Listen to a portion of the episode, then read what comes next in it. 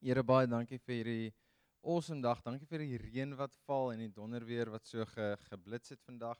Ehm um, dis net so al hierdie herinnering van van wie u is en ja, u skepende hande. Daai daai strale wat ons hoor en sien, die reën wat val, die son wat skyn. Dit is alles uit u hand uit. U het dit geskep. U is ons skepper God. En baie keer lyk ons omstandighede so asof niks kan gebeur nie, maar dan kom u en wys vir ons iets nuuts en u skep iets waaraan niks was nie. En dit is wie u is. En daarvoor sê ek dankie Here. Dankie dat ons ons weet daar's daar's altyd nuwe moontlikhede in u hande. Daar's altyd nuwe geleenthede in u hande. Daar's nooit net 'n doodloopstraat nie. En as daar doodloopstraat is, sal U vir ons 'n pad maak waar daar geen pad is nie. Want dis wie U is. Here, ek vra mag ons elkeen wat hier is vanaand mag ons bemoedig word, mag ons geïnspireer word en mag ons U sagte stem hoor vanaand in ons oor. I pray in Jesus name. Amen. I'm going to give over to Alicia. Good evening, everyone. Tonight I want to talk about God um, saying in Isaiah 43, verse 19, See, I am doing a new thing. And um, I previously told you, or some of you that might have been here when I was preaching before, that there was a time in my life when I was in a desert period. And um, during this time, I couldn't, I didn't have the energy and the hope to believe that God will come through for me. And the only prayer that I could pray at that time was, Jesus, you are the Son of the living God. You are the Christ. That was the only thing that I had the hope for to believe. And um, but during this time that I was in in this desert period, it it was like God showed me a mirror, and in the mirror I saw myself, and then I saw what God saw in me. And I didn't know that that was still within me because I believe that God continuously work within us to create Christ likeness um, out of us or, in us. And in this mirror, I saw that Alicia, you have conditions to your love for God. And when I say conditions to your love for God, it was like um, I love God and I serve God because of what He can do for me, because of the promises He had has for me. And I asked myself the question taking the way the promises, taking the way that God will do, give you the desires of your heart. Will you still love God? Will you still serve God? And I had to come, I had to actually just realize that God still sees that I have a condition to, to our relationship. And so when, when God gave me this word of, see, I am doing a new thing, it was a bit hard for me to, to believe this word um, because um, of the fact that there was a time that I came, that, during that time I realized, okay, so God, if I have conditions to our relationship, then I want to take those conditions away. I want to serve you, and I and I, I even told myself I'm not going to ask God for anything, and I'm not telling you not to ask God for anything. That was my my walk with God, and and and and, and what God told me during that time, and because in Luke 11 verse 9 He says, "Seek." ask and, and, and, and knock. And in Matthew 7, verse 7, he says the same thing ask, seek, knock. So we can ask God. But it was just for me to, for myself and, and, and for my relationship with God, I just felt like I don't want to ask God for anything. I want to be here just because of Him. Not because of what He can give me, not because of the promises He has for me. I just want to be here with God. So when this word came, and I, I told God that you don't need to tell me this, God. You didn't. You don't need to to to promise me about this that um that you're going to do a new thing in my situation, and um. So I had the struggle with this word, and I even, you know, I had this Gideon moment. I don't know if you remember Gideon. Gideon had this thing where he was like, um, God, if the fleece of wool is wet and the ground is dry, and if then the next day, if the ground is dry and the fleece of, but yeah, he had this whole story because to, to ask God, if it's, is it really you that's talking to me? So I had the same thing with this word, and I even when we went on the 4th of March, uh, we went to this leadership course, and I was like, God, if any one of these speakers just say something about God doing a new thing, I will know that. That I know that you are saying that this is the word that you want me to bring.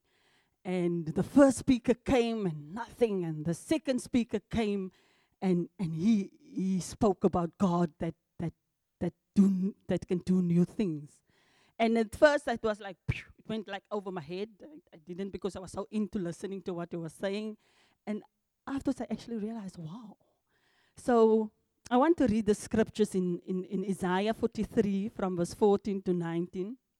It says, This is what the Lord says, your Redeemer, the Holy One of Israel. For your sake, I will send to Babylon and bring down as fugitives all the Babylonians. In the ships in which they took pride, I am the Lord, your Holy One, Israel's Creator, your King. This is what the Lord says He who made a way through the sea, a path through the mighty waters, who drew out the chariots and the horses, the army and the reinforcements together, and they lay there, never to rise again, extinguished, snuffed out like wick. Forget the former things. Do not dwell on the past. See, I am doing a new thing. Now it springs up. Do you not perceive it? I am making a way in the wilderness and streams in the wasteland. So the context of this scripture, if you if you read in, in Isaiah 42, the preceding scriptures, then you would think that God is, um, will rebuke Israel and that he will abandon Israel and that he will destroy Israel totally because he's angry with the sin of Israel that's always serving other gods and not just serving him. And um, he told Israel in, in, in, in the verses, the preceding verses in, in, in chapter 42, that he would use the enemies. He would use Babylon to come take them captive. But God doesn't totally destroy them, but He, he, he changed the tone, and God's grace kicks in, and His mercy kicks in. And, and if you read like in, in chapter 43, like the first verses of chapter 50, um, 43, you hear the words like, Fear not, O Jacob, O Israel, I have redeemed you, and thou art mine. So the covenant that God had with Israel and their forefathers, and also reminded God that He cannot totally destroy Israel, no matter how sinful they became. And I also believe that this is the reason why God put those covenants in place. Because He didn't want to come into His anger and then just destroy Israel. Um, so, and I also believe that this is the reason for the cross. For sin was, we are free from the death of sin through the cross. Jesus had to come and die. So to me, it's like God put in place the cross for generation and generation. His grace and His mercy and His love that's so reckless. Just to help Him not to end life on earth. Because, you know, as human beings, we can become so sinful and so ungrateful towards God. And so in Isaiah 43, when God says, I see I'm doing a new thing, it's it's now the time in 42 he says i'm going to use babylon to, to, to take you captive. In 43 they are in captivity in babylonia where he tells them that i am going to do a new thing. And and this is the chosen people of god and they sit in exile. And it's in the midst of, of, of them sitting in exile that god is saying Isaiah 43, verse 19. See, I am doing a new thing. Forget the former things. When he says forget, forget the former things, it's like he's saying, Forget what I've done in Egypt when I brought out your forefathers in Egypt, out of Egypt. Forget what I've done there because I'm about to do a new thing. I am going to give you your own testimony. You no longer have to talk about what I did for your forefathers. I am going to to give you your own testimony. I'm about to do a new thing in your life, in your situation, where you are right now.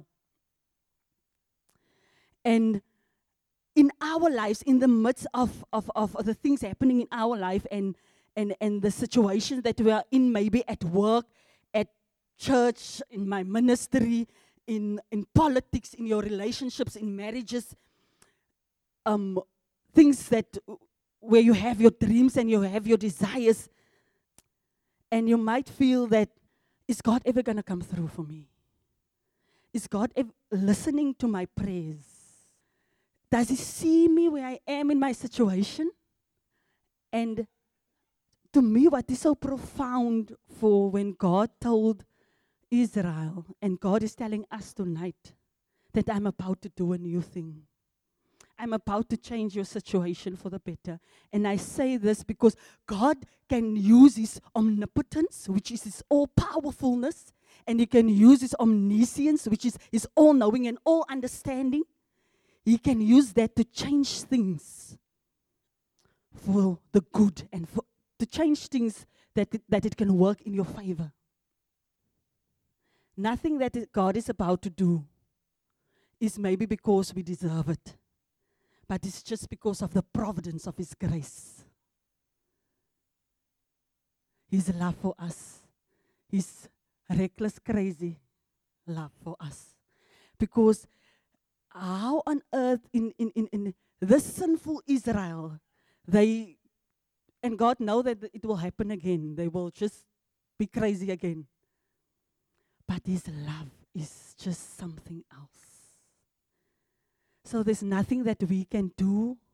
There's nothing that you think I've been crazy. But His love for us. I am about to do a new thing in, in your life. So to me, when I'm trying to think of things that happened in the Bible where, where God just did things, and I'm, I'm come and I, I told myself this afternoon, I told myself, you always talk about Paul when you like preach. Like, why? And so I'm talking about Paul again. and and and in Acts 9 is where Saul, where Paul was still Saul. And Saul is like crazy on his way to Damascus. I'm going to he got the letters. I'm going to fetch the Christians in Damascus and I'm going to bring them to Jerusalem because this thing that they believe in Jesus Christ is it just doesn't work for us, the Jews. It just doesn't really. And on his way to Damascus, God, Jesus got hold of him. And who would have thought that it's just mind blowing that who would have thought that the very thing that he was persecuting the people for, or the very person like Jesus Christ, now Jesus came and, and his salvation power overpowers Saul on the way to Damascus. And it's just how God, you wouldn't have thought that God would use Christ would use his salvation power to bring about relief to the Christians of the first century church because they flew from Jerusalem, they fled for their lives because of the persecution. And the very person that persecutes them and that hunts them down is the very person that Jesus gets hold of and save his life. And it says further in the scriptures in Acts 9, it says, and the church, um, it says like the church had rest. So there was a rest for a while because people had to, f- to flee, um, flee from place to place. But they had a rest because Saul now believes in Jesus Christ. And then another crazy thing God did was like sacrifice his son for us. Like seriously. Like like really. He sacrificed his son for us. And and mankind, this is when mankind became so sinful and too sinful and and in the old uh, in the like in the Old Testament they still had to sacrifice a lamb every year for the sins of the people of Israel. And then God decides this these people are too crazy and too sinful. What can I do? Let me send my son to die for them. So that he can die for sin once for all. Because from he knew that from generation to generation, people they are still going to be crazy. They are still going to be sinful. And to put in place that covenant of the cross that I love them too much. I have created them in my image. So I will not totally destroy what I've created because I love them too much. So, like I said, that God will use His omnipotence and His omniscience. He will shift and change world powers. He will change the political climate if that is your issue. You will shift people out of positions to put you in a position. God is about to do a new thing, and I believe it. And when I say I believe it, it's because it is God's word. It stands in His word. And and you might think like, okay, so what happened to to because I was reading Isaiah 43 and how God said, I'm gonna take you, my people, out of I'm going to do a new thing for you. So, so how did it take place? They were captive in, in Babylon. What happened to them? And what God did, He changed the world power. Because the world power at the time, the Babylonians were the most powerful nation. And then God brought about, raised up the Persians and the king of Persia. And the Persians did not believe in the God of Israel at all. But God, in His sovereignty, used the king of Persia to say, to make a decree and say, he, they, the Persians overtook and overpowered the, the Babylonians. And then God told them to decree to let my people, let Israel go back to Jerusalem. Let them go and rebuild my city. And those kings even gave the material for Israel to go rebuild the walls, the temple. So that is what God is able to do. You can think that He can use kings to bring about something new in your situation. And so, Isaiah, the prophet Isaiah, in Isaiah 45, he told, he said, he prophesied about this King Cyrus that will come and um, deliver the, the Israelites out of the captivity of, of, of Babylon. And the scholars, the theologians, they now don't believe that that was actually Isaiah that wrote that. They think that it was somebody else that came after because it was years after Isaiah died that the Persians came into power, and then there was a King Cyrus who actually decreed. So, the but then there's other theologians who say who says, but so what you're saying is that God don't know so far ahead in the future. So they have this fight, but that's not important. The fight is not important. If you read in Ezra and Nehemiah, then you will see how God actually delivered them and sent them back. And um, the kings actually, like, if you remember the story of Nehemiah, he was, he was the, what you call it, the skunker. he was the person who actually the wine pourer for for for the king. And he the king he asked the king if he can go back to Jerusalem and build the walls. And the king gave him material and he gave letters and everything. So God can use God is is sovereign and is all powerful and is all knowing and our situation looks impossible and it's difficult and it's and and and I'm telling God, but I can't hold on anymore. I can't do this anymore. I can't take another step, God. It's just too hard for me to to take another step. And and and because I want to see the new thing already that you're about to do for me. Because my situation is just getting too much for me to bear. But I believe God tonight. I believe His word tonight. Let's see. I'm about to do a new thing. Isaiah 55 11 says, So is my word that goes out from my mouth. It will not return to me empty, but will accomplish what I desire and achieve the purpose for which I send it. Let's take hope in and let's look forward to. Because he asked, Can you not perceive what I'm about to do?